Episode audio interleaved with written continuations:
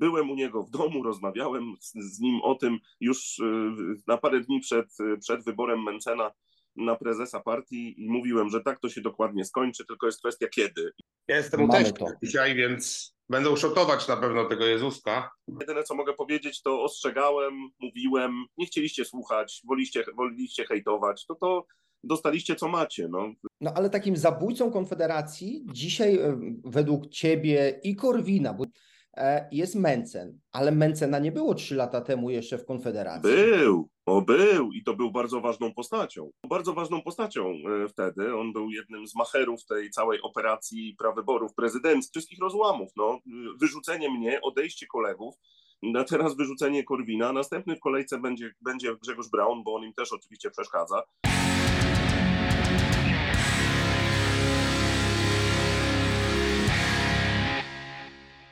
Dzisiaj z nami kolejny raz e, były poseł e, Artur Dziambor. E, zastanawiałem się, jak Cię dzisiaj przedstawić, tak naprawdę, i jedyne, co mi przychodziło do głowy, to chyba mm, prorok Konfederacji. Co?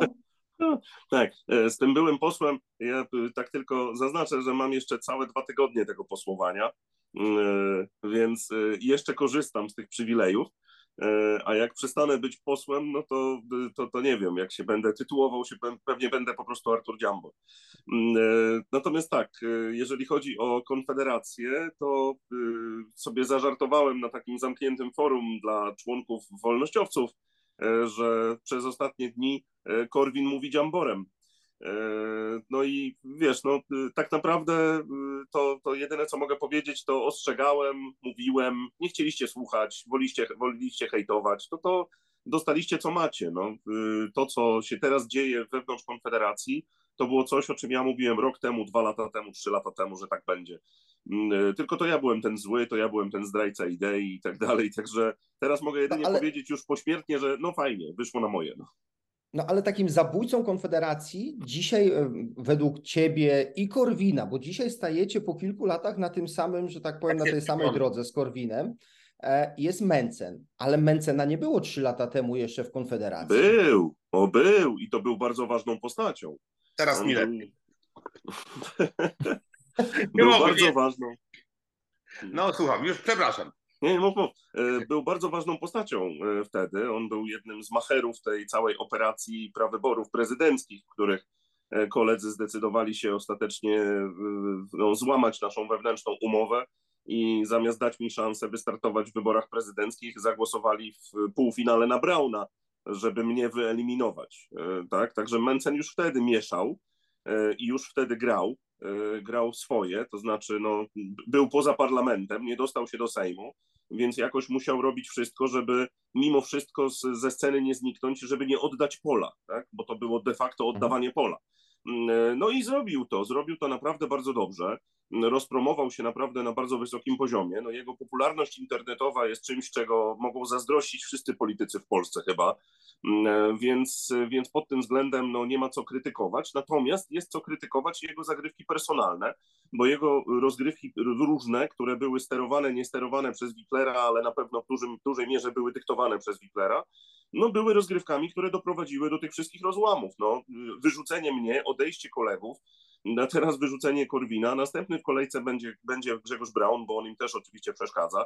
Moim zdaniem powinien sam szybko odejść. Yy, no i, i te, tak to jest. No to było wszystko zaplanowane. Myśmy to, jak to będzie wyglądało, to my wiedzieliśmy lata temu, a mm, bardzo szczegółowo wiedzieliśmy to na chwilę przed tym, jak Mencen został mianowany prezesem partii Korwin, później Nowa Nadzieja. Tak? Ja o tym mówiłem Korwinowi, w szczegółach mu o tym opowiedziałem. Byłem u niego w domu, rozmawiałem z, z nim o tym już y, na parę dni przed, przed wyborem Mencena na prezesa partii i mówiłem, że tak to się dokładnie skończy, tylko jest kwestia kiedy i jaka będzie opcja, żeby to zrobić. Mm, oczywiście wybrali moment taki, który był dla nich wygodny, bo jak ja atakowałem Korwina, to to było po pierwsze uczciwe, po drugie, e, po drugie było to e, no jednak wtedy, kiedy były za to jakieś konsekwencje.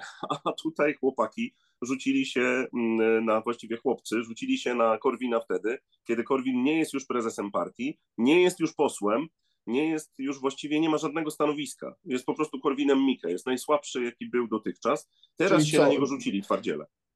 Czyli co, skopali leżącego?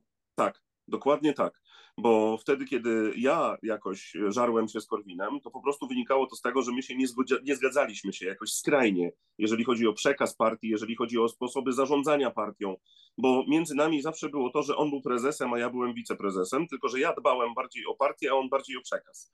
Mm, I y, my się darliśmy na, na, na, na siebie wtedy, kiedy po prostu ten przekaz był tak skrajnie niezgodny z tym, co ja sobie wyobrażam e, na temat partii politycznej konserwatywno-liberalnej, że po prostu nie było możliwości, żebyśmy się spotkali gdzieś po środku i się dogadali. E, natomiast w przypadku no, chłopaków e, Sławka i Przemka, no to to jest po prostu rozgrywka polityczna. No. To jest dążenie do tego, żeby mieć władzę skupioną w jednej albo w dwóch rękach najlepiej i żeby kontrolować wszystko. Niektórzy się na to godzą, machają rękami, po prostu stwierdzają, że no trudno. Niektórzy są beneficjentami tego, że siedzą przy, przy, tych, przy tych dwóch panach. Natomiast no, jak na mnie się rzucono, to, to było takie dosyć, powiedzmy, że no, środowisko po prostu ślepo przyjęło, że Mencen dobry, Dziambor zły. I dlatego był ten hejt, który trwał przez rok codziennie. Cokolwiek bym ja nie wrzucił, czy ja wrzuciłem coś o polityce, to był hejt, że jestem zdrajcą, szmatą tam i w ogóle zawodem największym w historii polskiej polityki. Mm, czy wrzuciłem zdjęcie z pieskiem? To też było, y, też było to samo, tak? To po prostu hejt leciał gigantyczny. A teraz Korwin ma dokładnie to samo, co ja miałem. Identycznie, dokładnie to samo przechodzi, co ja przechodziłem. Mm, ja usłyszałem, że już w Konfederacji nie mam czego szukać w październiku, y, na trzy miesiące, zanim mnie wyrzucili. Tak? Okay. I po prostu miałem te trzy miesiące wybór, albo odejść i uznać, że no niestety wygrali, bo ich jest dwóch, trzech, a ja jestem jeden, mm, albo walczyć o swoje. No i walczyłem o swoje. Tak? Walczyłem po prostu, stwierdziłem, że nie będę tym politykiem, który, bo zazwyczaj politycy jak odchodzą ze, z, ze swoich partii, no to robią konferencje prasowe, na których mówią, że no cudowne to były lata, będę zawsze to pamiętał, zostawiłem wielu przyjaciół i w ogóle cudownie, wszystko fajnie, gdy rzeczywistość jest taka, że się nienawidzimy, tak? Mm, tymczasem tutaj rzeczywistość Czyli była co, taka, od, odchodzą, znaczy w momencie, kiedy ciebie wyrzucali, bo ja pamiętam naszą pierwszą rozmowę, kiedy wyraźnie powiedziałeś, że nie odszedłeś, tylko ciebie wyrzucili, więc w momencie, tak. kiedy ciebie wyrzucali z, z partii, poczułeś ulgę? Dzisiaj czujesz satysfakcję? Trochę tak, tylko wiesz, tylko że to jest taka ulga wynikająca z tego, że po prostu nie muszę już być w tym toksycznym towarzystwie i mogę sobie spokojnie o nich mówić wszystko, co chcę, czego nie mogłem mówić, gdy czułem jakąś lojalność organizacyjną. Mm, e, natomiast, e, natomiast no, niestety to ta partia się zepsuła. Po prostu ci ludzie się zepsuli. Tych ludzi zepsuły pieniądze, zepsuły ich, zepsuła ich gigantyczna władza wewnątrzorganizacyjna. To było zupełnie inne środowisko kiedyś. To środowisko było kiedyś naprawdę bardzo ideowe. To byli naprawdę zacni ludzie, którym o coś chodziło. A teraz nie chodzi im już o nic poza tym, żeby mieć władzę i pieniądze. No i to ja krytykowałem, a byłem akurat najgłośniejszy z, tym, z tych wszystkich, którzy to krytykowali, więc na mnie skupił się cały hejt. Dzisiaj Korwin mówi dokładnie to samo, co ja mówiłem rok temu. I co? Mają ci sami ludzie hejtować Korwina? No trochę mają taki dysonans, nie? bo Dziambora łatwo było hejtować, bo wiadomo, zdrajca. Ale hej, Korwina hejtować? Przecież to jest najwierniejszy z wiernych ideowiec, tak? A dlaczego ty byłeś zdrajcą, jeżeli ciebie wyrzucano? No dlatego, że ja krytykowałem e, świętego Sławka, którego nie wolno krytykować, bo on jest cudowny, wspaniały i ma milion lajków na TikToku. E, więc e, wynikało to zapewne z moich złych zamiarów, e, frustracji, nie wiadomo czego tam jeszcze, albo ego, które sobie wymyślił Sławek na jednym ze swoich występów i potem inni za tym, za tym powtarzali. Rzeczywistość była jaka była. No, myśmy wszyscy byli w, tym, w tej konfederacji. Konfederacja się ze sobą bardzo różni, kłóci się ze sobą ideowo, wewnętrznie bardzo. Konfederacja to nie jest spójna partia, to nie jest spójna ideologia, to jest po prostu logo. Logo, które pozwoliło różnym środowiskom alt-rightowym wejść do Sejmu. Y, to jest sztuczna partia, która, do której nie można się zapisać, y, ponieważ Konfederacja w całej Polsce ma może z 80 członków. Y, zapisywanie się członków do tej partii kontroluje Rada Liderów. Nie można wypełnić deklaracji członkowskiej, zapłacić składek i być członkiem Konfederacji. Nie istnieje taka formuła, mm. bo Rada Liderów tylko przyjmuje, czyli przyjmuje po prostu swoich. Jest wewnętrzny układ. To jest po prostu przeskoczenie tej, tego prawa o koalicjach wyborczych, tak? Bo jak jest koalicja, no to ona jest uczciwa, tak? Czyli mamy tak jak PSL z Hołownią, tak? Założyli koalicję, musieli przekroczyć 8%. Konfederacja tego nie musi robić, bo udaje partię. Rzeczywiście to są trzy partie, które ze sobą się gryzą cały czas, a my stworzyliśmy czwartą w pewnym momencie, która jeszcze dołożyła do tego gryzienia się. Natomiast, natomiast no, wewnętrzne spory ideowe to było coś, co my sobie jakby założyliśmy z góry, że tak będzie wewnątrz Konfederacji. Tak długo, póki nie było sporów personalnych, tak długo było dobrze ponieważ my sobie z góry założyliśmy, że okej, okay, narodowcy z korwinistami się nie lubią. Po prostu się nie lubią, ideowo się nie lubią, a z racji tego, że my się ideowo nie lubimy, to my też nigdy sobie nie zaufamy i nie będziemy przyjaciółmi w, realno, w realu, tak? Mm, e, Browniści też mają te same, te sam, to samo podejście, mają pewien dystans, mają pewne swoje założenia programowe, które się nie zgadzają z narodowcami i z korwinistami. No oczywiście są części wspólne, no bo trudno tworzyć jakiekolwiek, jakąkolwiek współpracę, jeżeli nie ma części wspólnych. No ale z drugiej strony, wiesz, części wspólne to ja mam z partią Razem i my razem chcemy zalegalizować marihuanę, tak? Więc, e, więc na tej zasadzie możemy stworzyć coś takiego. Więc e, powstała Konfederacja. I ta Konfederacja, nie lubiąca się ideowo, tak, różniąca się ideowo, miała iść po wejście do Sejmu dla środowisk, które dotychczas dostawały 1%, 3% i się udało. Projekt się udał. I założenie wewnętrzne było takie, że chociaż się nie zgadzamy, to się nie atakujemy, to się nie podgryzamy, to się nie, nie niszczymy się wewnętrznie. Każdy ma swoje pole, każdy ma swoją działeczkę. Jedni są tutaj, inni są tam. Zgadzamy się na tę współpracę. Aż do momentu, gdy przyszedł Sławek Mencen z Wiklerem za plecami i zaczął to rozgrywać tak, że zaczął wyrzucać ludzi. No i teraz wyrzucony został Korwin, co zresztą było planowane od lat. Następny w kolejce jest Brown. I tylko pytanie, jak to ogarnie. Bardzo ciekawą rzecz powiedziałeś. Czy ty teraz e, jakby Arturze powiedziałeś, e, że mm, jakby to było takie legitne, e, powiem po młodzieżowemu, to oni by nie powinni wejść do Sejmu, ponieważ są z zasady bardziej koalicją niż partią? Czy są koalicją? Choćby nie mieli, natomiast... nie mieli, czyli jakby... Tak. Tak, gdyby byli rzeczywiście legitnie koalicją, to by nie weszli do Sejmu, natomiast no, został zastosowany pewien wytrych, to znaczy trzy partie polityczne, które funkcjonują oso jako osobne partie, Ruch Narodowy, Nowa Nadzieja i Korona, założyły sobie wspólną partię polityczną, która ma swój osobny zarząd i tak dalej. To się nazywa Konfederacja i Rada Liderów Konfederacji. W Radzie Liderów Konfederacji zasiada tam czterech reprezentantów e, partii Nowa Nadzieja, czterech Ruchu Narodowego i dwóch Grzegorza Brauna. I oni się do, do wszystkiego dogadują razem, wszystkim dzielą się razem, wszystko umawiają razem na tej Radzie Liderów. Partia Konfederacja nie jest partią taką jak każda inna, że można przyjść, wypełnić deklarację, zostać członkiem. To jest bardzo udawana to, partia. Bardzo mnie to dziwi, że, że to w obecnych czasach jest to aż takie, wiesz, że, że nie można sobie normalnie przyjść się do partii, tak jakieś takie troszeczkę antyludzkie, antydemokratyczne takie troszeczkę to jest. W ogóle dla no, być... liderów, drogi Arturze, to brzmi, nawiązuje do naszego Wejdera, który tu nie stoi, bo jestem u mhm. teściów, jak taki naprawdę y, Rada Imperium, Rada Liderów, no tak. która gdzieś tam, nie? Tak no, trochę to brzmi. No tak, no ale to było założone po to, żeby właśnie nie było jednego szefa, tak? Wtedy, kiedy Konfederacja powstawała na samym początku, to tam było pięciu reprezentantów Korwina Mikke, a Korwin był wtedy dominatorem. Po pierwsze miał tam 4% w sondażach, po drugie miał pieniądze z poprzedniej kampanii na koncie, w przeciwieństwie do pozostałych środowisk, które były całkowicie gołe i wesołe. Ruch Narodowy miał wtedy 1%, e, Grzegorz Braun miał 1% e, i jeszcze był Leroy, który miał swoich skutecznych i miał swojego reprezentanta w Radzie Liderów. Podział był 5, 4, 2, 1.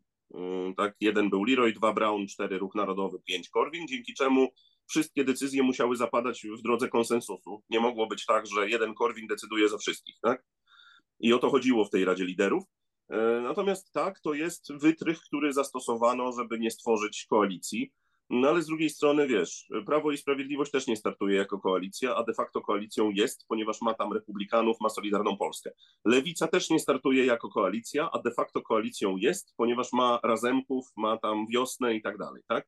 Więc wszystkie partie polityczne w Polsce zastosowały dokładnie ten sam wytrych, który zastosowała Konfederacja poza PSL-em i Hołownią, którzy no tak, się uczciwie skoalicjowali. inne przekroczyły 8 i tu, i tu jakby ja o to pytam, wiesz o co mi chodzi? No Nawet tak, tak, jeśli by tamte były czy legitnie, czy nielegitnie. Dobra, wytrych zastosowany, ale w obu przypadkach przy wytrychu i bez niego do Sejmu by weszły. Tutaj bez tak. wytrycha do Sejmu by nie weszły. Tak, tak, tak, tak dokładnie tak. No, no dobrze, Także powiedziałeś... Wszystkie te, wszystkie te trzy partie jeszcze mają zapisane w statucie dwupartyjność, tak, że można być członkiem i tego, i tamtego. Aha. Okay. No bo ja byłem członkiem i partii Korwin, i Konfederacji. A, okej. Okay. To, to mm. też ciekawe. No dobrze, powiedziałeś przed chwilą, że od października zeszłego roku już wiedziałeś, że, że nie jesteś w Konfederacji. Jak cię wyrzucili, to od tego momentu możesz mówić co chcesz na ich temat, możesz mówić prawdę. To ja mam taką, takie pytanie. Znaczy wcześniej też, tylko wiesz, tylko że jednak no, E, ja sobie pozwoliłem na to, żeby krytykować to, co rzeczywiście jakoś mnie dotyka. Czyli jak w październiku zaczęła być dyskusja na temat tego, że będą prawybory, no to ja to dosyć głośno nazwałem prawyborami na pełnym Putinie, na co się tam e, Sławek niby obruszył, i bo, bo jemu się nie podobało to sformułowanie, gdy rzeczywistość była taka, że te prawybory zostały tylko po to zorganizowane, żeby nie wystartował w, w Lublinie Kulesza, w Katowicach Sośnierz, a w Gdyni Dziambor. No chodziło o to, żeby nas po prostu jakoś tam przykryć i oni byli zorganizowani, byli w stanie przywieźć dowolną liczbę ludzi, którzy by zagłosowali, tak jak to w pierwszym milionie, jak tam autokary popodstawiali, tak? No, tak no dobra, ale moje pytanie jest inne. E, moje pytanie jest inne. Skoro możesz mówić e, prawdę albo to, co chcesz, możesz mówić, to powiedz jedną rzecz zakulisową Konfederacji, która nigdy nie padła w przestrzeni publicznej. Daj nam wyświetlalność, Arturze. Nie, tak. ale to słuchajcie, bo ja na przykład, ja nie byłem członkiem Rady Liderów. E, mhm. Nigdy. Tak? Ale e, masz ploteczki, masz informacje nie, plotki, z pierwszej Tak, tak, dobrze, ale wiesz, ale chodzi mi o to, że, e, że ja nie brałem udziału w, tym, e, w, tej, w tych dyskusjach ludzi, którzy rzeczywiście decydowali o wszystkim. Ja chodziłem Czemu do mediów. Nie byłeś. Nie. Czemu ja nie chodziłem? Byłeś? Przy twojej rozpoznawalności, przy twoich wizytach w mediach, przy tym, że naprawdę Twoje nazwisko, e, twarz była nie... dość mocno znana. Ty w, pewien, w pewnym momencie, ja nawet o tym Wejderze tak mówię cały czas, ale byłeś bardzo często właśnie za covid i tak mhm. dalej, byłeś bardzo często w tych programach. Dlaczego ty nie byłeś w tej Radzie Programowej?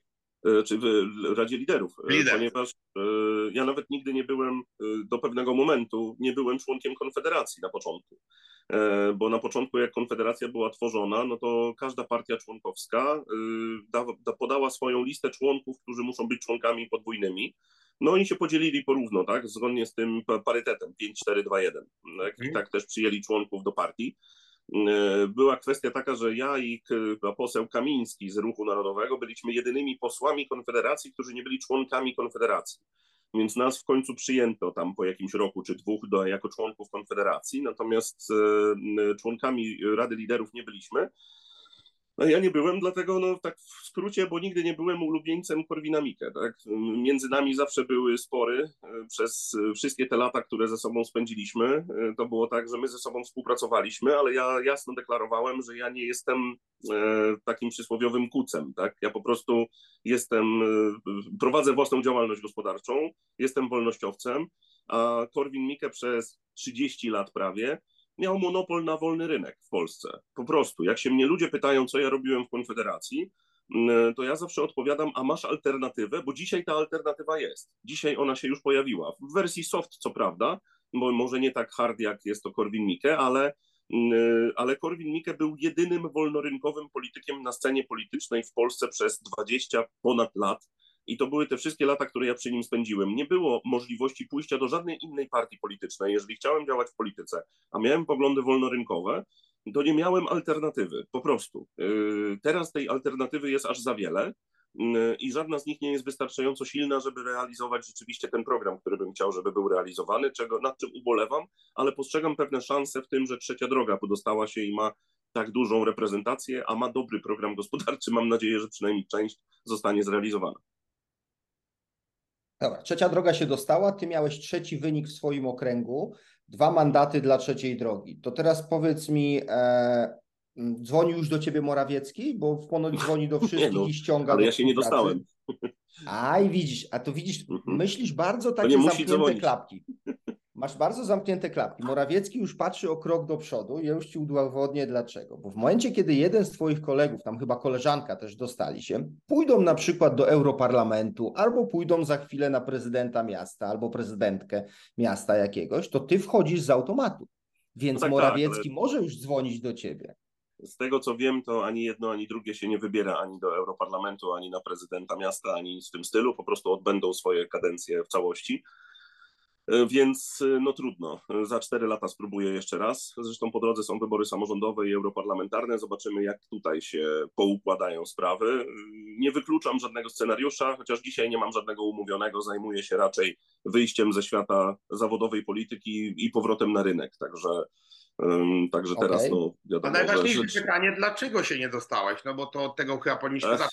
Moim zdaniem oczywiście, co się stało? Bo ja przypominam ci naszą wcześniejszą rozmowę, no to my wszyscy we trójkę byliśmy praktycznie pewni, że wejdziesz. A ja też byłem pewny, że wejdę, jak zobaczyłem, że będą dwa mandaty. Bo mm, zakładałem, że po prostu tak, no zakładałem, że jeżeli będą dwa mandaty, bo oto była walka, no to ten drugi przypadnie dla mnie, nie wiedząc za bardzo o tym, że obok jest zorganizowana zupełnie inna grupa, która po prostu bardzo dobrze zrobiła kampanię. Pani, która weszła, ja tej pani nie znam, nie zdążyłem jej poznać, yy, reprezentująca partię Hołowni z trzeciego miejsca, miała bardzo dobrą kampanię. Do tego trzeba dołożyć jeszcze tą wszechobecną ogólnopolską akcję, że kobiety mają głosować na kobietę najwyżej na liście, więc y, to jest zawsze jakiś tam handicap, który mają. Y, no i jednak to środowisko, który, w którym ja byłem na ostatnią chwilę, tak? Ja nie reprezentowałem ani PSL-u, ani Szymona Hołowni, ja byłem sobie Arturem Dziamborem, więc y, wszystkie te głosy, które ja dostałem, to były głosy konkretnie na mnie, a nie na listę. Mm, tak? A mhm. tutaj jest tak, że no w przypadku kandydatów innych, no to jednak dużo zgarnia lista dlatego że jest tą listą. No i tutaj tak się stało, że po prostu miałem dużo gorszy wynik od, od pani, która była najwyżej na liście i tyle. Tak to działa w demokracji, nie ma co się na to obrażać, trzeba jechać dalej. Mm, wynik miałem, myślę, że całkiem niezły, bo ponad 9 tysięcy głosów na, gdy ja jestem na gościnnych występach tak naprawdę, hmm. tak, jeszcze wtedy przecież to było tak, że to było wszystko świeże, Mm, elektorat ten naturalny, który, który był moim elektoratem konfederacyjnym, z oczywistych względów nie przeniósł się w całości do, do trzeciej drogi, chociaż duża grupa się przeniosła, bo jak wiemy, fluktuacja tych elektoratów była dosyć duża w ostatnim tygodniu. No to po prostu zwyczajnie nie wystarczyło. Tak? Mam nadzieję, że następnym razem się uda. Mm, teraz trzeba po prostu działać dalej. Dobrze. E, a po, powiedz mi, e, zadzwoniłeś już z gratulacjami do, do pana Tyszki? Nie. E, z, z, z, z, z, kolegą Tyszką mam e, kontakt e, znikomy, właściwie zerowy, tak? To znaczy, jak się widywaliśmy w Sejmie, mówiliśmy sobie cześć i, i tyle, jeżeli chodzi o naszą znajomość. No, myślę, że, że więcej nie będzie. No to i tak to... dużo. Cześć to zawsze cześć. O tak. No tak, tak. Natomiast no wiadomo, on, on został wstawiony za mnie i od samego początku miał po prostu to dogadane, że będzie wstawiony za mnie. Więc y, to był układ też ze Sławomirem Mencenem, że on wchodzi i on bierze biorące miejsce, bo Gdynia jest biorącym miejscem zawsze. Tu jest 14 mandatów, więc tu wystarczy przekroczyć 6%, żeby zdobyć mandat. Więc, więc tak, no, no nie wiem, tak, tak zdecydowali. Ludzie mieli trzech innych kandydatów do wyboru. Ja oczywiście nie, nie, nie, nie tutaj nie, nie będę żadnego z nich zachwalał jakoś za bardzo, powiedzmy, natomiast no, mm, e, byli trzej lokalni kandydaci, o w ten sposób chciałem powiedzieć, mhm. którzy robili kampanię, bardzo aktywną kampanię. E, kandydat z dwójki, trójki i czwórki, reprezentujący kolejno Ruch Narodowy, Koronę Brauna i e, Nową Nadzieję. Wszyscy trzej się bardzo starali, wszyscy trzej robili super kampanię, naprawdę taką bardzo aktywną i wszyscy trzej przegrali z jedynką tylko dlatego, że jest jedynką. Tak? E, więc no niestety, że tak powiem, wyborcy Konfederacji lokalni zdecydowali, że lepiej zagłosować na spadochroniarza z Warszawy, który nie ma z Gdynią nic wspólnego, aniżeli na swojego człowieka tutaj lokalnie któregoś. Ale tak nie jest. W Twoim przypadku właśnie to jest, powiem Ci, takie trochę smutne, bo ja pamiętam naszą rozmowę tą pierwszą i Twoje wypowiedzi też, żeby się tam Tyszka dowiedział, gdzie jest skwertaki, owaki, no, że jest tak. zagroniarzem i tak dalej. To już teraz nie, nie dokuczając Ci, ale, ale Ty też byłeś miejscowy i, i, i okazuje się, że jednak można e, można być stąd, można to, a jednak ludzie bardziej głosują na listę, bo w Twoim przypadku to też pewnie tak. przełożyło, że Ty nie byłeś ten trzeciodrogowy, tylko dołączony na ostatnią chwilę no. I tam też, jak mówisz, byli lokalni działacze Konfederacji i też nie dostali głosów, więc e, tak jakby partia bardziej ustala, kto tu zostanie wybrany, niż ci ludzie, którzy znają tych kandydatów i są stąd. No tak, ale to wiesz, to, e, wyroki wyborców są zawsze ciekawą, ciekawą rzeczą do analizy. Tak? z drugiego miejsca na trzeciej drodze startował też człowiek z partii Szymona Hołowni, który dostał dużo gorszy wynik no, od pani z trzeciego miejsca. Też miał super kampanię, miał billboardy, banery, był widoczny jakoś, tak? I nie za bardzo jesteśmy w stanie stwierdzić, dlaczego tak jest, że akurat on dostał tam wynik tam chyba trzykrotnie słabszy od y, pani z trzeciego miejsca, tak? Właściwie znaczy to ten pan, o którym ten pan, o którym ty mówisz, bo jestem właśnie na PKW, to dostał wynik e, o, o 50% gorszy od twojego nawet, żeby no tak. jasność. Tak? No ale właśnie to... mówię, że nie jesteśmy w stanie stwierdzić, dlaczego tak się stało. Ta kampania była bardzo aktywna, ci, ci kandydaci się pokazywali. byli, byli, mówię, byli widoczni i po prostu ludzie stwierdzili, że no dobra, jedynka zawsze zgarnie ogromne wyniki, bo jest jedynką po prostu, tak? Jedynka dostaje za to, że jest jedynką, a nie za to, że jest, że jest najlepsza.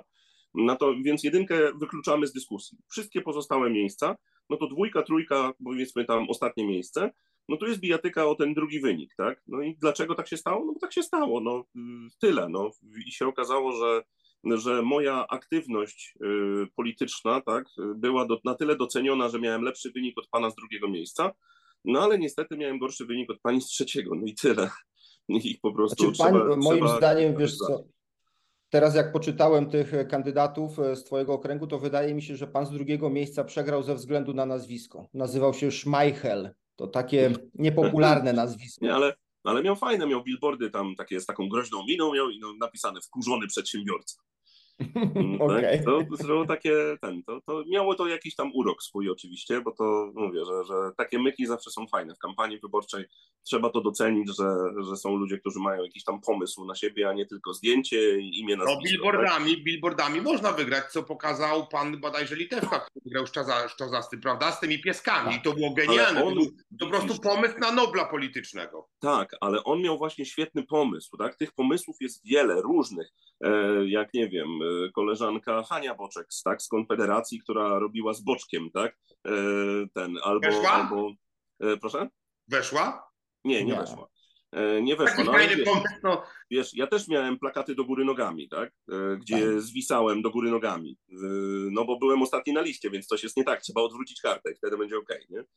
Okay. No, więc, y, więc te plakaty do góry nogami i tam, wiesz, to też się tam zabawiłem. Wiele takich pomysłów. Ten pomysł, ten pomysł z pieskami świetny. Ja zresztą udostępniłem to i powiedziałem, że naprawdę Mistrzostwo Świata. E, gdzieś tam był człowiek, który się nazywał Daniel, no to miał zamiast swojej głowy głowę Daniela, tak? Mm, no, no, no Rogacz, no to się w Polsce najlepiej kojarzy. Ale, ale wiesz, ale nie, nie, no, ale to trzeba docenić, że ludzie naprawdę w polityce potrafią jeszcze takie rzeczy robić, ponieważ polityka generalnie jest miejscem dla smutnych ludzi. Jest nudna. Y, tak, i jak myśmy tam, wiesz, jak niektórzy z nas pozwalali sobie na sarkazm, y, to zawsze był ten problem, że y, połowa sali zrozumie, a druga połowa uważa cię za debila. Tak. I, to, I to nie świadczy do, źle o tobie, tylko o tej połowie sali. Tak, tak. Po prostu wiesz, no niestety, no, no niestety tak jest, że y, politycy to generalnie nie są ludzie, którzy y, y, przejawiają się jakimś, nie wiem, umiejętnością stand-upową na przykład, tak? Albo, albo takim No nie, no czemu? Ja tu się z Tobą nie zgodzę, bo ostatnio oglądałem konferencję, kawałek konferencji Mateusza Morawieckiego i po, powiem szczerze, że on jest naprawdę dobrym stand-uperem, bo, bo teraz to, co on opowiada, że on tworzy rząd, że on dzwoni po koalicjantach, to jest naprawdę, no taki wiesz, moim zdaniem mocny stand-up.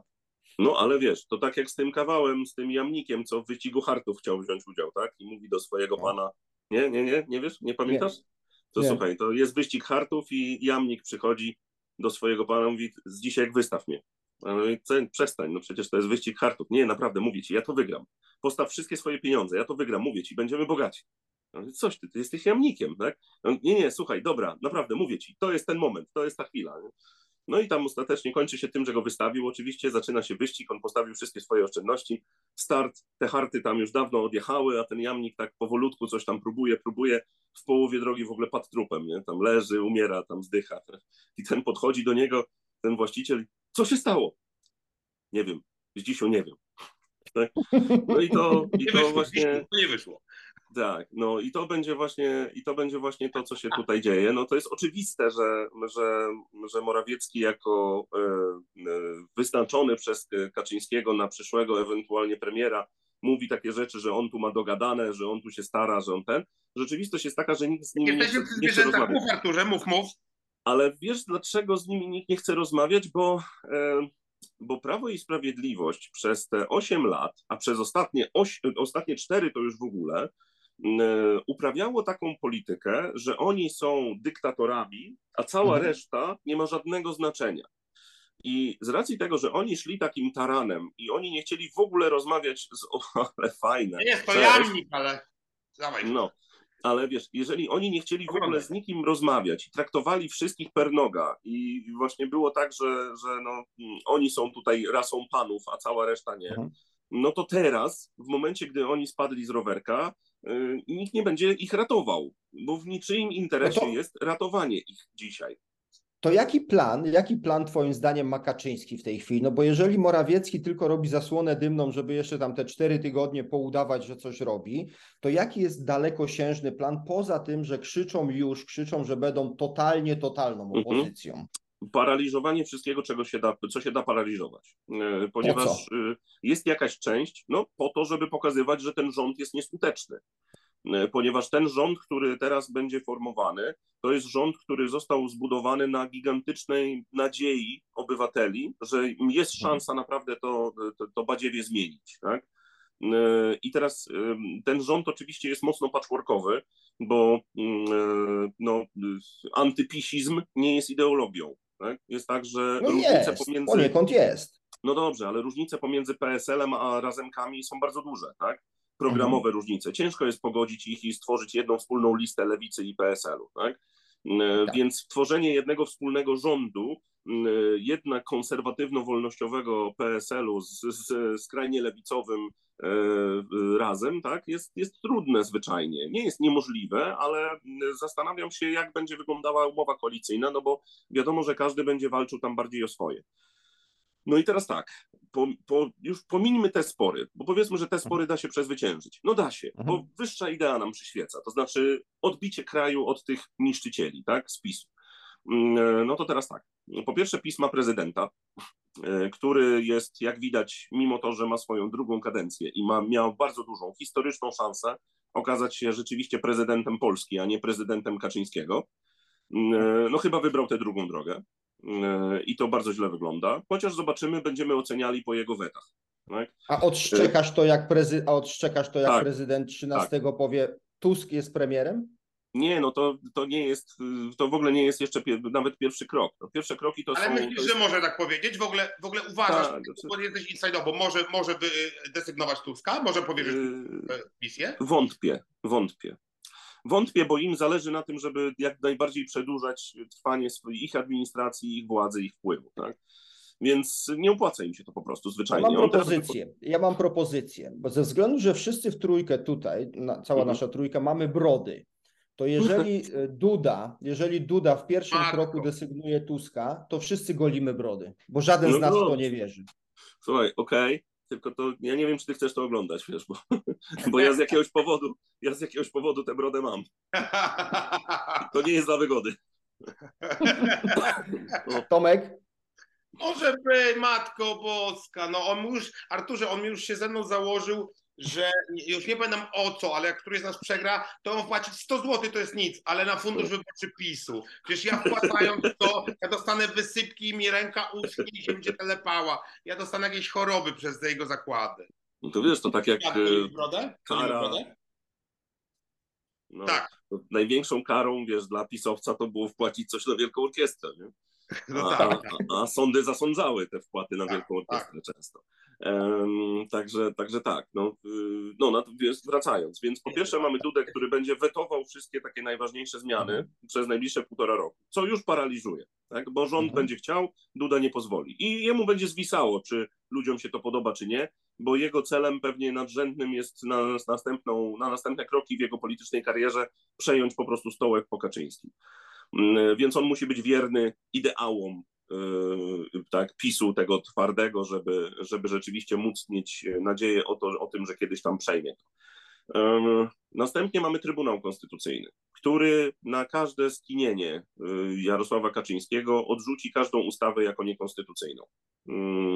Tak. Więc drugie zmiany, które Ale ciężko... Żeby teraz dość mocno, wiesz, ja bym na nich aż tak nie liczył i oni już nawet w tym momencie, jak był PiS przy władzy, nie mogli procedować. Y, ten Trybunał jest mocno skłócony, też nie wiem, czy na każde skinienie tak się pogodzą. Oni się pogodzili w jednej sprawie, podwyżki y, pensji, tak? Tak.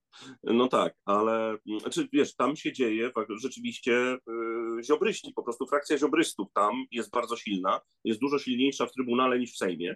Yy, I ta frakcja ziobrystów, yy, oni tak jakby czują wiatr zmian. Y, to znaczy, oni rozumieją, że czasy się skończyły, te dobre czasy dla PiSu się teraz skończyły i trzeba się ustawić jako ta partia, która będzie w przyszłości miała rzeczywiście coś do gadania, więcej niż tylko bycie tym tam jednoprocentowym partnerem z mhm. kilkunastoma posłami. Tak? Oni mają ambicje dużo wyższe, oni są lepiej przygotowani niż kadry pisowskie, mm, są dużo bardziej aktywni. Y, oni po prostu nie mają samodzielnej y, osobowości politycznej, tak? I muszą nad tym pracować, ale rzeczywiście mają szansę dużą, y, dużą część wyborców w przyszłości przejąć od tego rdzennego PiSu, moim zdaniem. Mm, więc to. Trzecia rzecz jest taka, że no jednak ma cały czas PiS będzie miał telewizję, będzie miał media. Tak? To nie jest tak, że hmm, teraz nie. wjedzie Tusk. To nie hmm. jest tak, że słuchajcie, nie, nie, to nie jest tak, że wjedzie Tusk i nagle wszystkich tam zwolni. E, jest, dlatego, że, dlatego, że Krajowa Rada Radiofonii i Telewizji, dlatego, że Rada Mediów Narodowych mają swoje kadencje i bardzo ciężko będzie te kadencje skrócić, właściwie się nie da, bez zgody prezydenta. E, a to oni decydują o tym, kto jest prezesem i tak dalej, tak? Kto tam później No nie, tutaj, Oczywiście... tutaj mam Tutaj już muszę Ci powiedzieć, bo ja mam informacje trochę z wewnątrz, e, wiem jak to jest szykowane. E, będzie sytuacja taka, że, że ustawa będzie zabierająca te 2 czy tam 3 miliardy na TVP.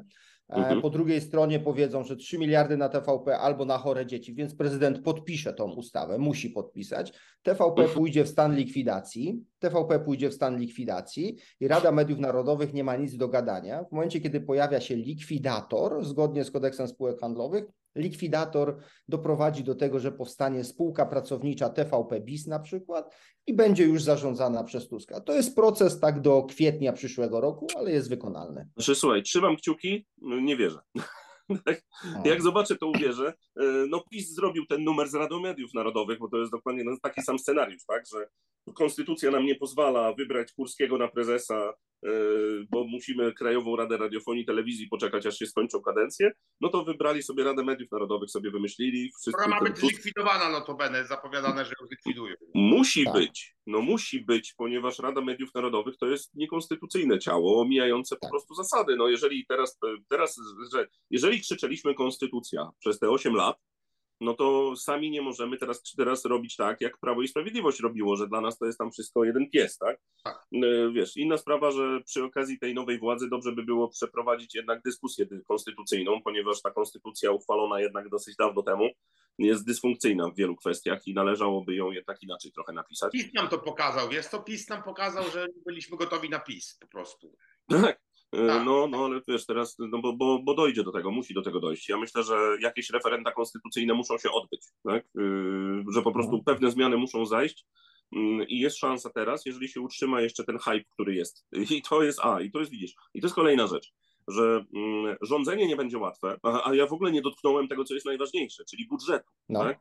Mm, czyli okay. stanu budżetu, bo pomijając to, jakie zagrywki polityczne może wykonywać PiS, żeby paraliżować, no to najbardziej paraliżujące ze wszystkiego jest jednak stan budżetu, bo jak się wejdzie do ministerstw, zrobi się audyt rzeczywisty i się pokaże, ile tego tam jest, ile czego zostało i jak to wygląda, mm, jak wyglądają rzeczywiste wpływy, obciążenia i, i, i uzależności różne, i uzależnienia różne, no to się okaże, że tak naprawdę no, król jest nagi i nie ma jak, jak, jak tego budować. Tak? Nie będzie można podejmować żadnych decyzji e, takich no, przełomowych, dlatego że po prostu państwa nie będzie na to stać jak, y, wiesz, jak Rostowski słynny tam, słynny cytat powiedział, że pieniędzy nie ma i nie będzie. Nie będzie. No to to nie było tak, że on był wredny, nienawidzący Polaków, tutaj wstrętny minister finansów, tylko on po prostu przedstawił rzeczywistą analizę. A Kaczyński potem przyszedł do władzy i powiedział, jakie tam nie ma, tam dodrukować i będą. No. Tak? I to, to jest ta różnica. się zawsze znajdą pieniądze. Mają tak, no więc, się zawsze y, więc jeżeli tak będzie, no to yy, to, to wtedy opozycja Prawa i Sprawiedliwości będzie mówiła, widzicie, a jak my rządziliśmy, to było. Tak? A teraz nie ma.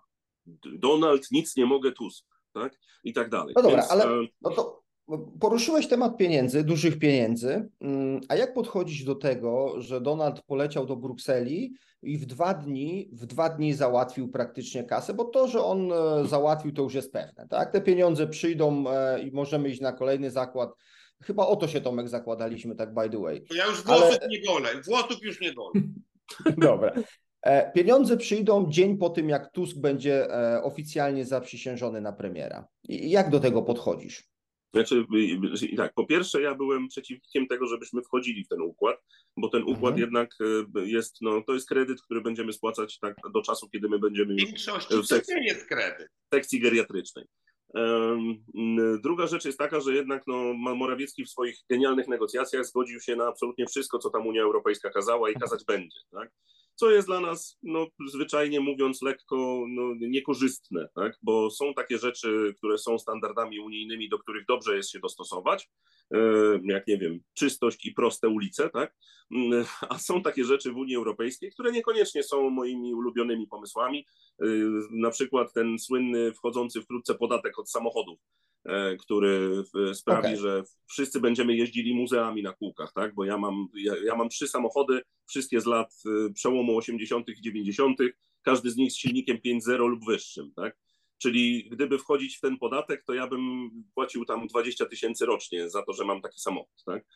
Mm, a to jest po prostu moja pasja, moje hobby i, i nie życzę sobie, żeby jakiś kurczę miłośnik hule, elektrycznej hulajnogi mi zabierał tę pasję. Mm, e, więc, e, więc to, to, to, jest, e, to jest to, co powiedzmy. No, bardziej, mi chodziło, bardziej mi chodziło. Teraz, bardziej mi. Nie, bo słuchaj, bardziej mi chodziło. Kończąc, ja wiem, kończąc, okay. jeżeli my weszliśmy w to, bo niestety w to weszliśmy, to teraz to, to oczywiście powinniśmy te pieniądze dostać i móc z nich korzystać, mhm. tak? Więc bardzo dobrze, że pojechał, bardzo dobrze, że negocjuje, oby te jego negocjacje okazały się skuteczne, ponieważ my ten kredyt już spłacamy, a z racji tego, że my go spłacamy, no to dobrze by było jednak móc ten kredyt wziąć i być beneficjentem również tego układu kredytowego, który podjęła cała Unia Europejska względem siebie, tak? Więc to jest, to było po prostu zwyczajnie nie, patologiczna sytuacja, w której my nie korzystaliśmy z tych pieniędzy, ponieważ nasz rząd powiedział nie, bo my nie chcemy i się obrażamy. Tak? To, to było po prostu zwyczajnie no, nielogiczne, ponieważ z tych pieniędzy mają skorzystać samorządy na przykład, które są dzisiaj bardzo mocno dotknięte mm, tymi, tymi obostrzeniami nowymi, które stworzyło Prawo i Sprawiedliwość, bo przypomnę, Prawo i Sprawiedliwość e, w, wielkim, w wielkiej chwale obniżyło podatek dochodowy, Mhm. Do 12% i bardzo dobrze. Natomiast w zamian za to nic nie zaoferowali samorządom, które straciły realne tak, pieniądze. Artur, okej. Okay. Bardziej mi chodzi o to, co powiedział kłamca Morawiecki. Czy Morawiecki nie mhm. zacytuje, ale powiedział mniej więcej to, że cały ten problem z pieniędzmi unijnymi to była gra von der Leyen po to, żeby mhm. zmienić najlepszy rząd, jaki Polska do tej pory miała.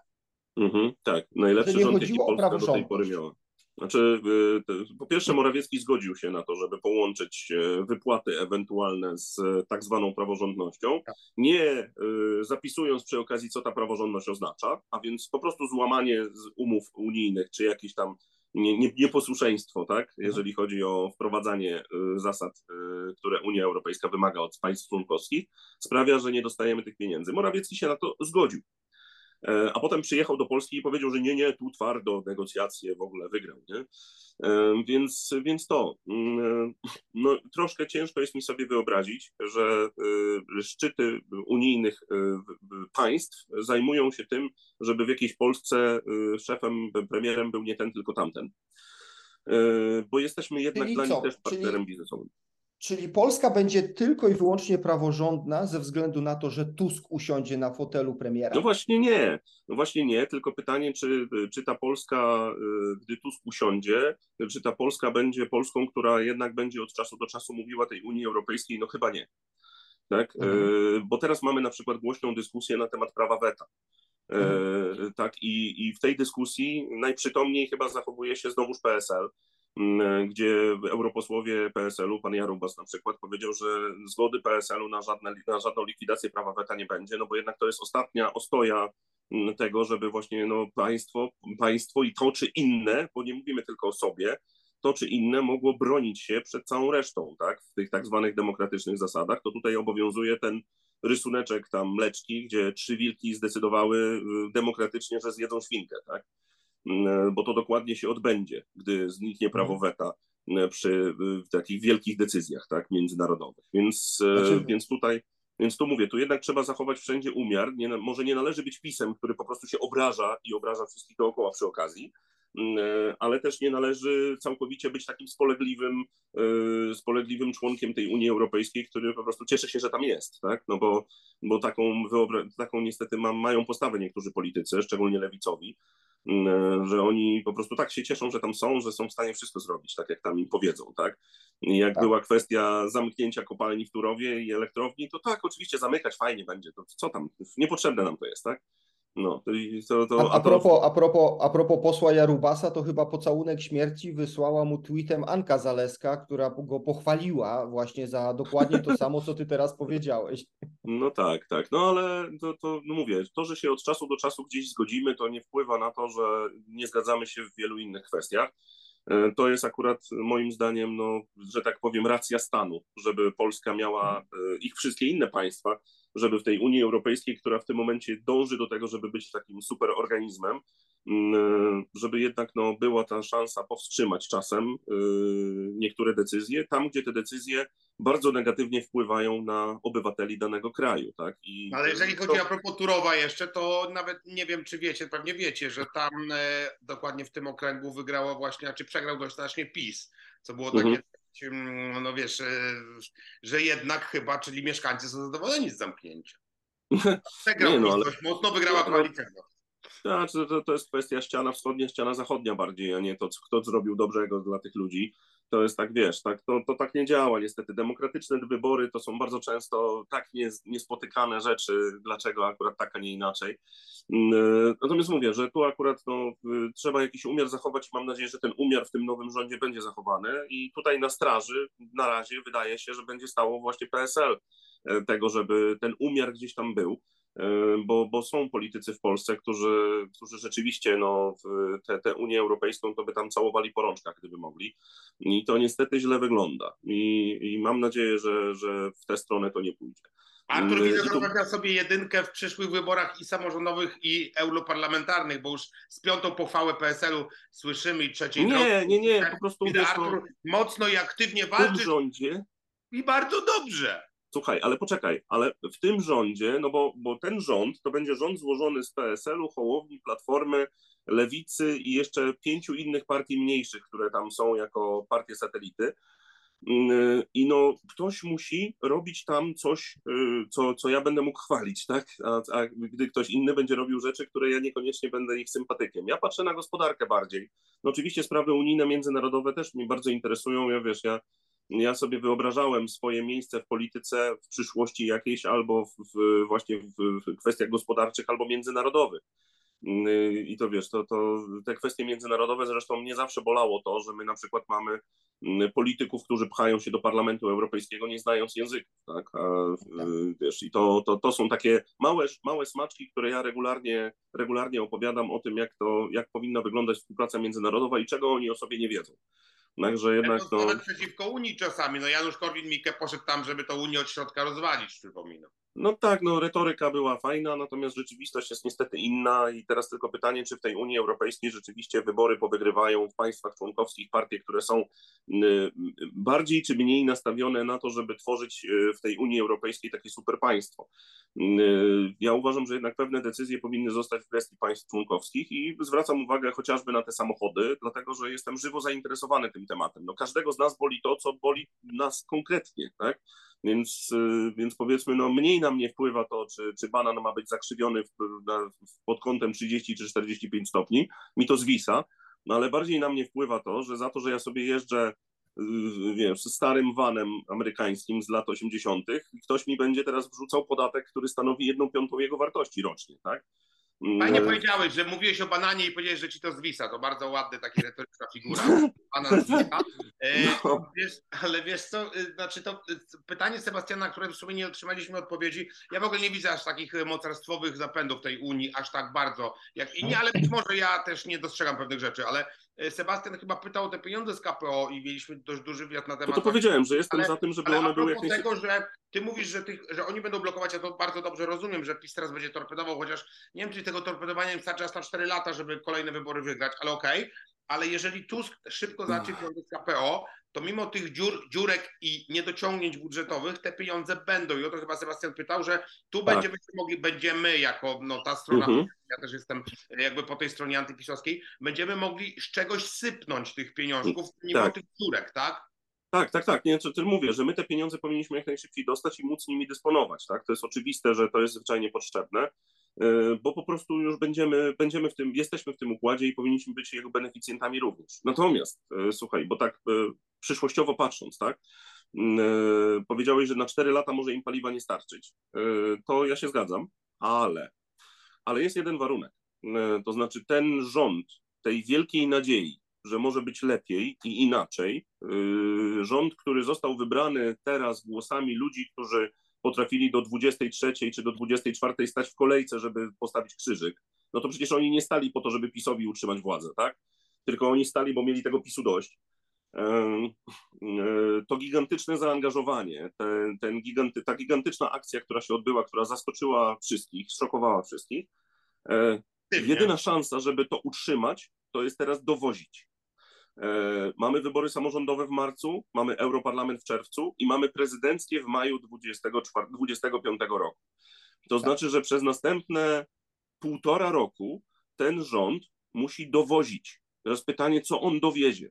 Tak? To znaczy, które obietnice zostaną rzeczywiście spełnione, żeby oni mogli powiedzieć po półtora roku swojej działalności i wygrać po drodze wszystkie wybory, tak? No bo to o to chodzi że mhm. po drodze są wybory samorządowe, które trzeba wygrać na poziomie województw chociaż, tak, żeby móc rzeczywiście decydować o tym, jak wygląda polityka finansowa na, teren, na terenach województw. Następnie wybory europarlamentarne, w których oczywiście będzie bój e, tych, tych postaw suwerennościowych PiSu, tak, versus e, postawy proeuropejskie rządu, ale pytanie, kto to wygra i dlaczego i w jaki sposób, no i później wybory prezydenckie, w których na razie jest giełda nazwisk, pojawiają się różne, ale oczywiście jedyną szansą dla obecnej władzy, żeby mieć swojego prezydenta, zakładam Donalda Tuska tutaj, tak, albo Rafała Trzaskowskiego, jedyna szansa, żeby tak było, e, no to jest przez te półtora roku być rządem sukcesów.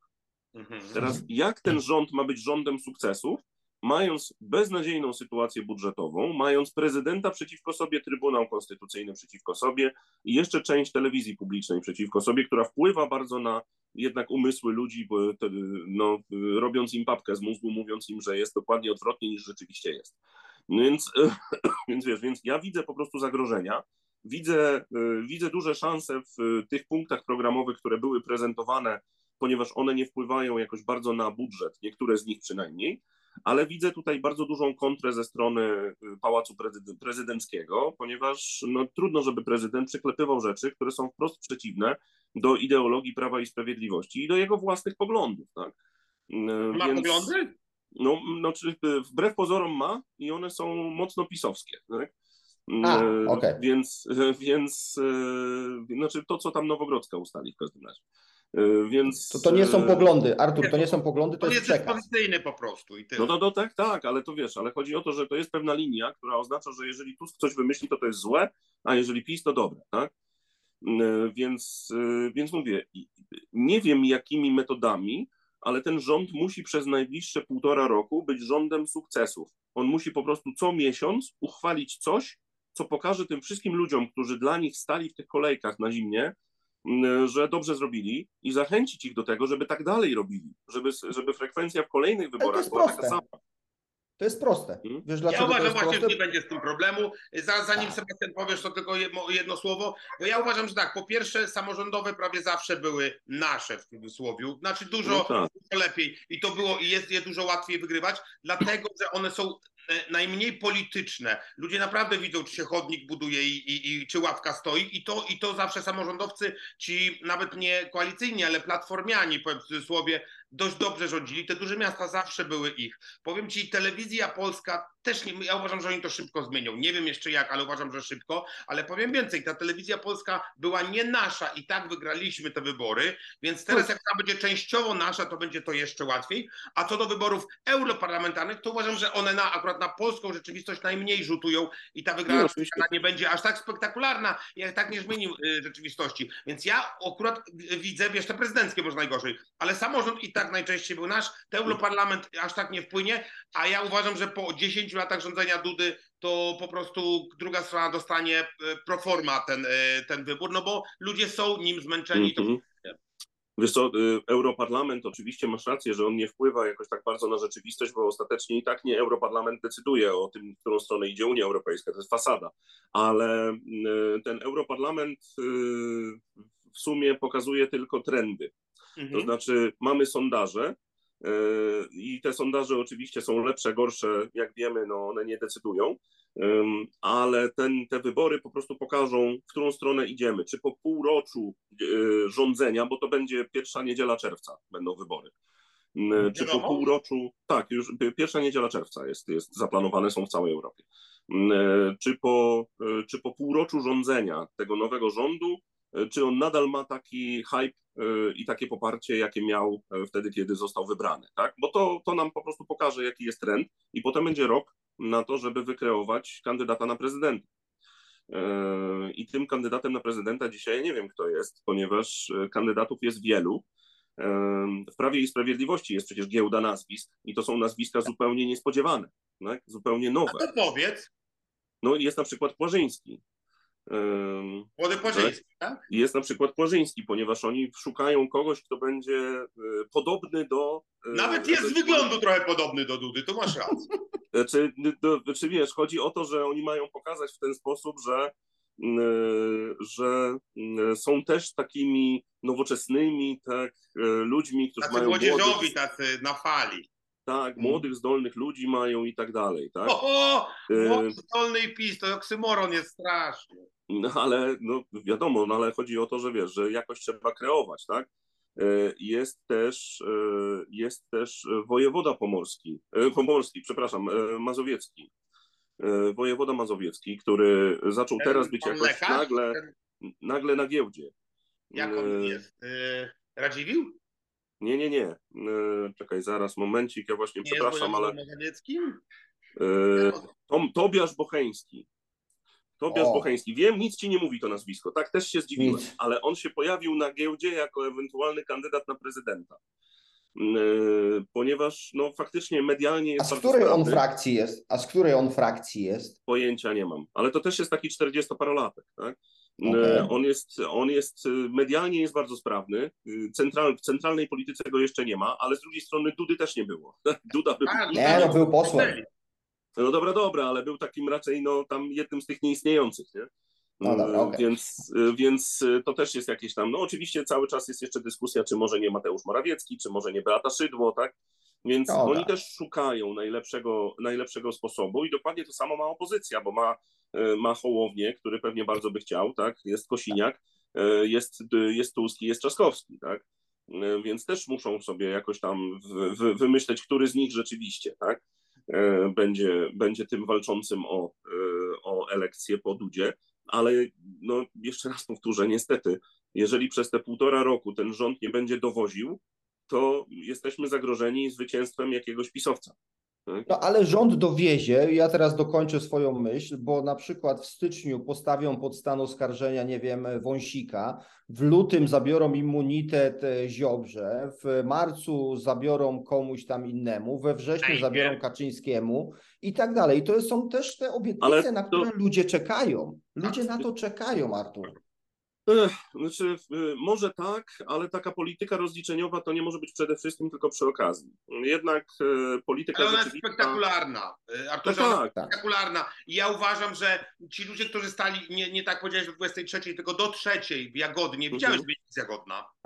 Tak, widziałem, widziałem, tak. tak. No to jest, wiesz, to ludzie właśnie stali, ja uważam, w dużej mierze po to. Oni oczywiście chcą lepszego życia, chcą lepszej gospodarki, ale oni już nie chcą obciachu, nie chcą tych hamów na stanowisku tłumaczących, że tylko oni są patriotami, nie chcą tych przestępców. Ja uważam, y, bo, bo ty powiesz, że oni długo stali, więc trzeba im oddać. A ja znowu uważam, że oni dlatego długo stali, że oni dali potężny kredyt zaufania i on jest duży, że oni są w mhm. stanie wybaczyć pewne błędy, potknięcia, zrozumieć tę tą dziurę budżetową. To są w dużej mierze też ludzie bardzo świadomi. To, to, to, nie, to nie były, przepraszam, że to powiem, mohery, którzy głosują, mhm. nie bardzo wiedzą za co, tylko to byli młodzi, świadomi ludzie, e, wykształceni, znający tą politykę na tyle, na ile lepiej niż średnia Polaka i oni dużo rzeczy zrozumieją. Oni, im się da wytłumaczyć, że jest dziura budżetowa, że to i oni czekają na te rozliczenia. Ja uważam, że właśnie ten kredyt, dlatego że oni stali do trzeciej głodni i zmarznięci, jest bardzo duży i oni potrafią dużo wybaczyć, bo oni sami dużo poświęcili, żeby to się stało i trochę te zęby zagryzą, wiesz? Ja to,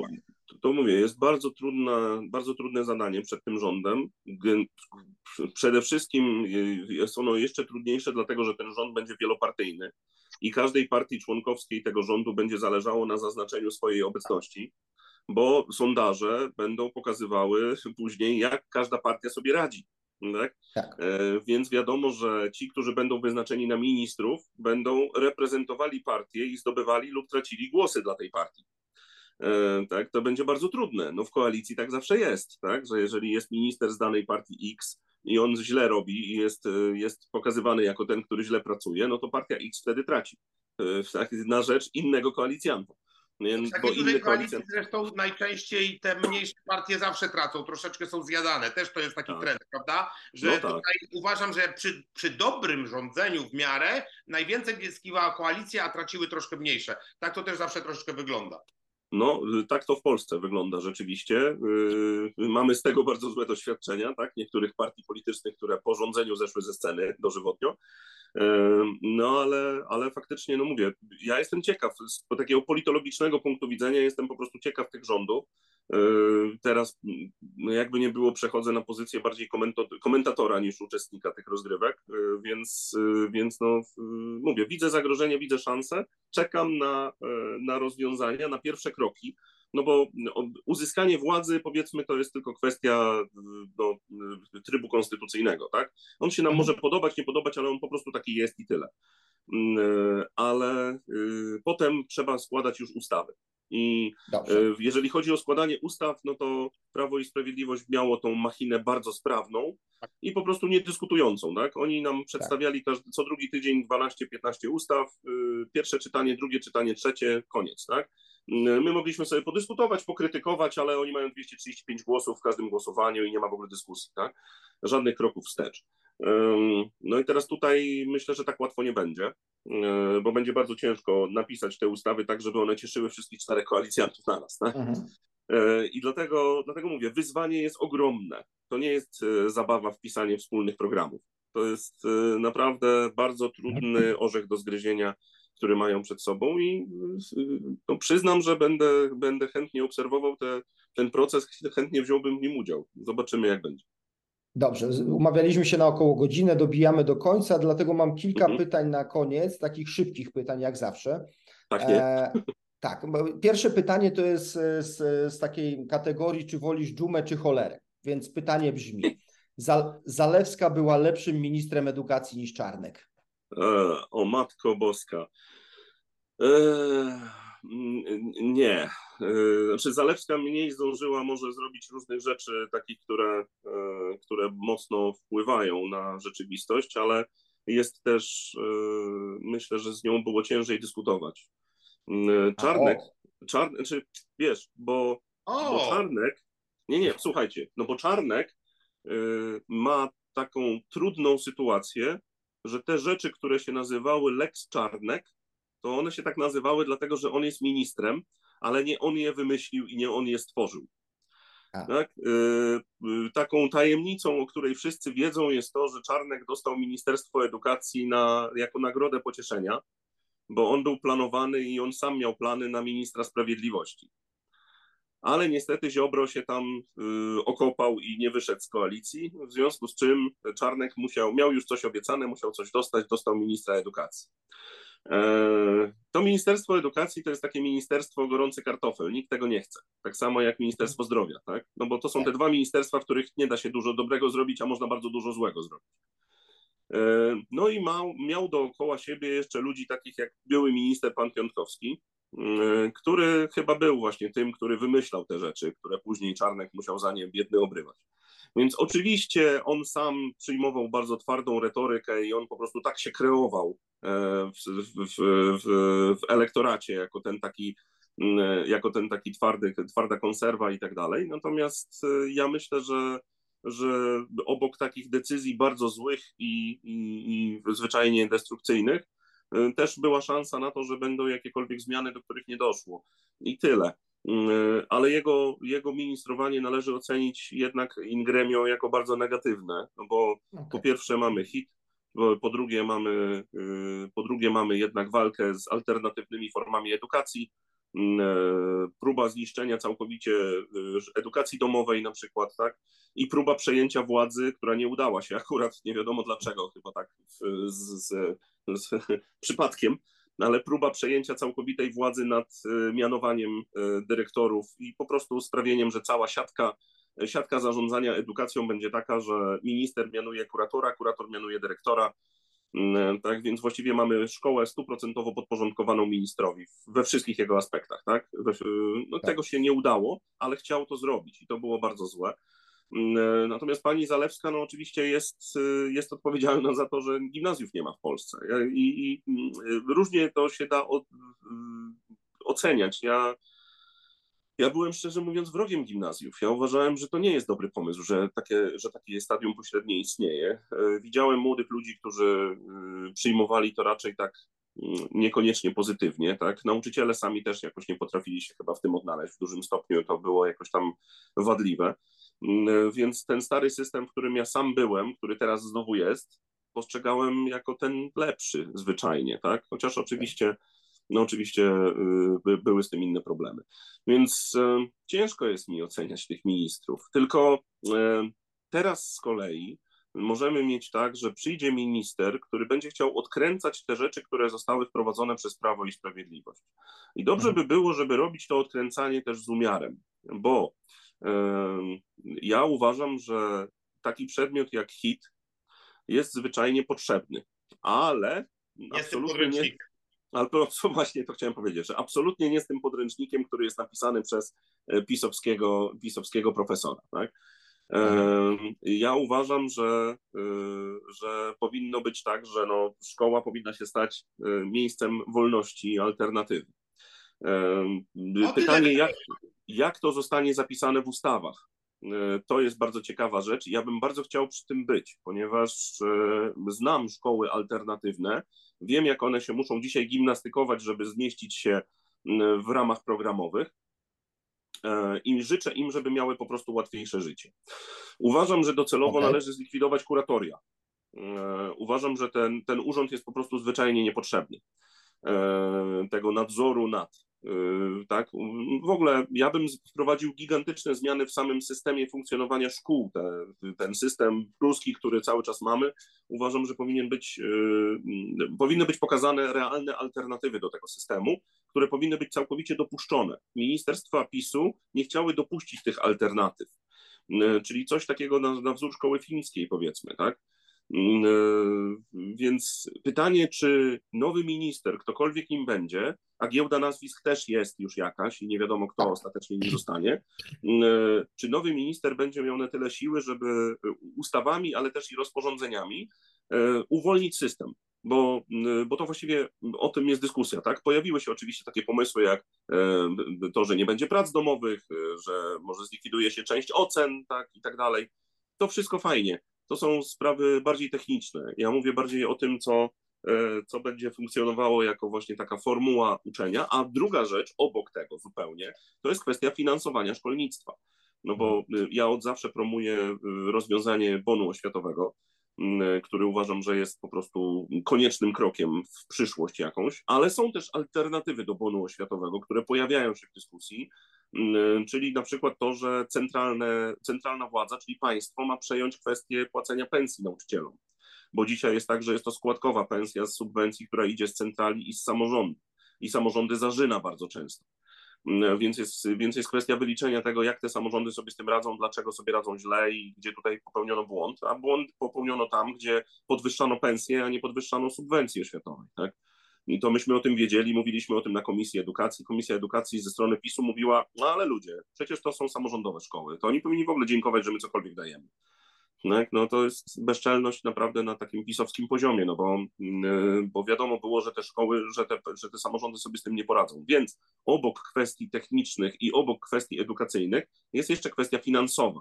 Ja uważam, że przebudowa finansów edukacji jest konieczna, ale tego się nie zrobi, dopóki nie ruszy się karty nauczyciela. No i teraz pytanie, czy nowy minister będzie w stanie ruszyć kartę nauczyciela jakoś? No dobrze, to Miałeś- zostawiamy już nowemu ministrowi. Tak albo nie odpowiedź. Miałeś, Sebastian, tak czy nie? Widzisz? Zadałeś Tak, pytanie tak. i króciutko tak czy nie odpowiedź. Tak, No, bardzo króciutko. Mam nadzieję, że z drugim pytaniem ci pójdzie szybciej. E, Ford Mustang GT czy Tesla Model S? Nie no, Mustang I oczywiście, dlaczego? w ogóle bez dyskusji. Dlaczego? Y, Wiesz co, znaczy ja nie lubię Mustangów. ja jestem, Dlatego Mustang. tak, nie, ja jestem fanem y, starej amerykańskiej motoryzacji, ale, ale y,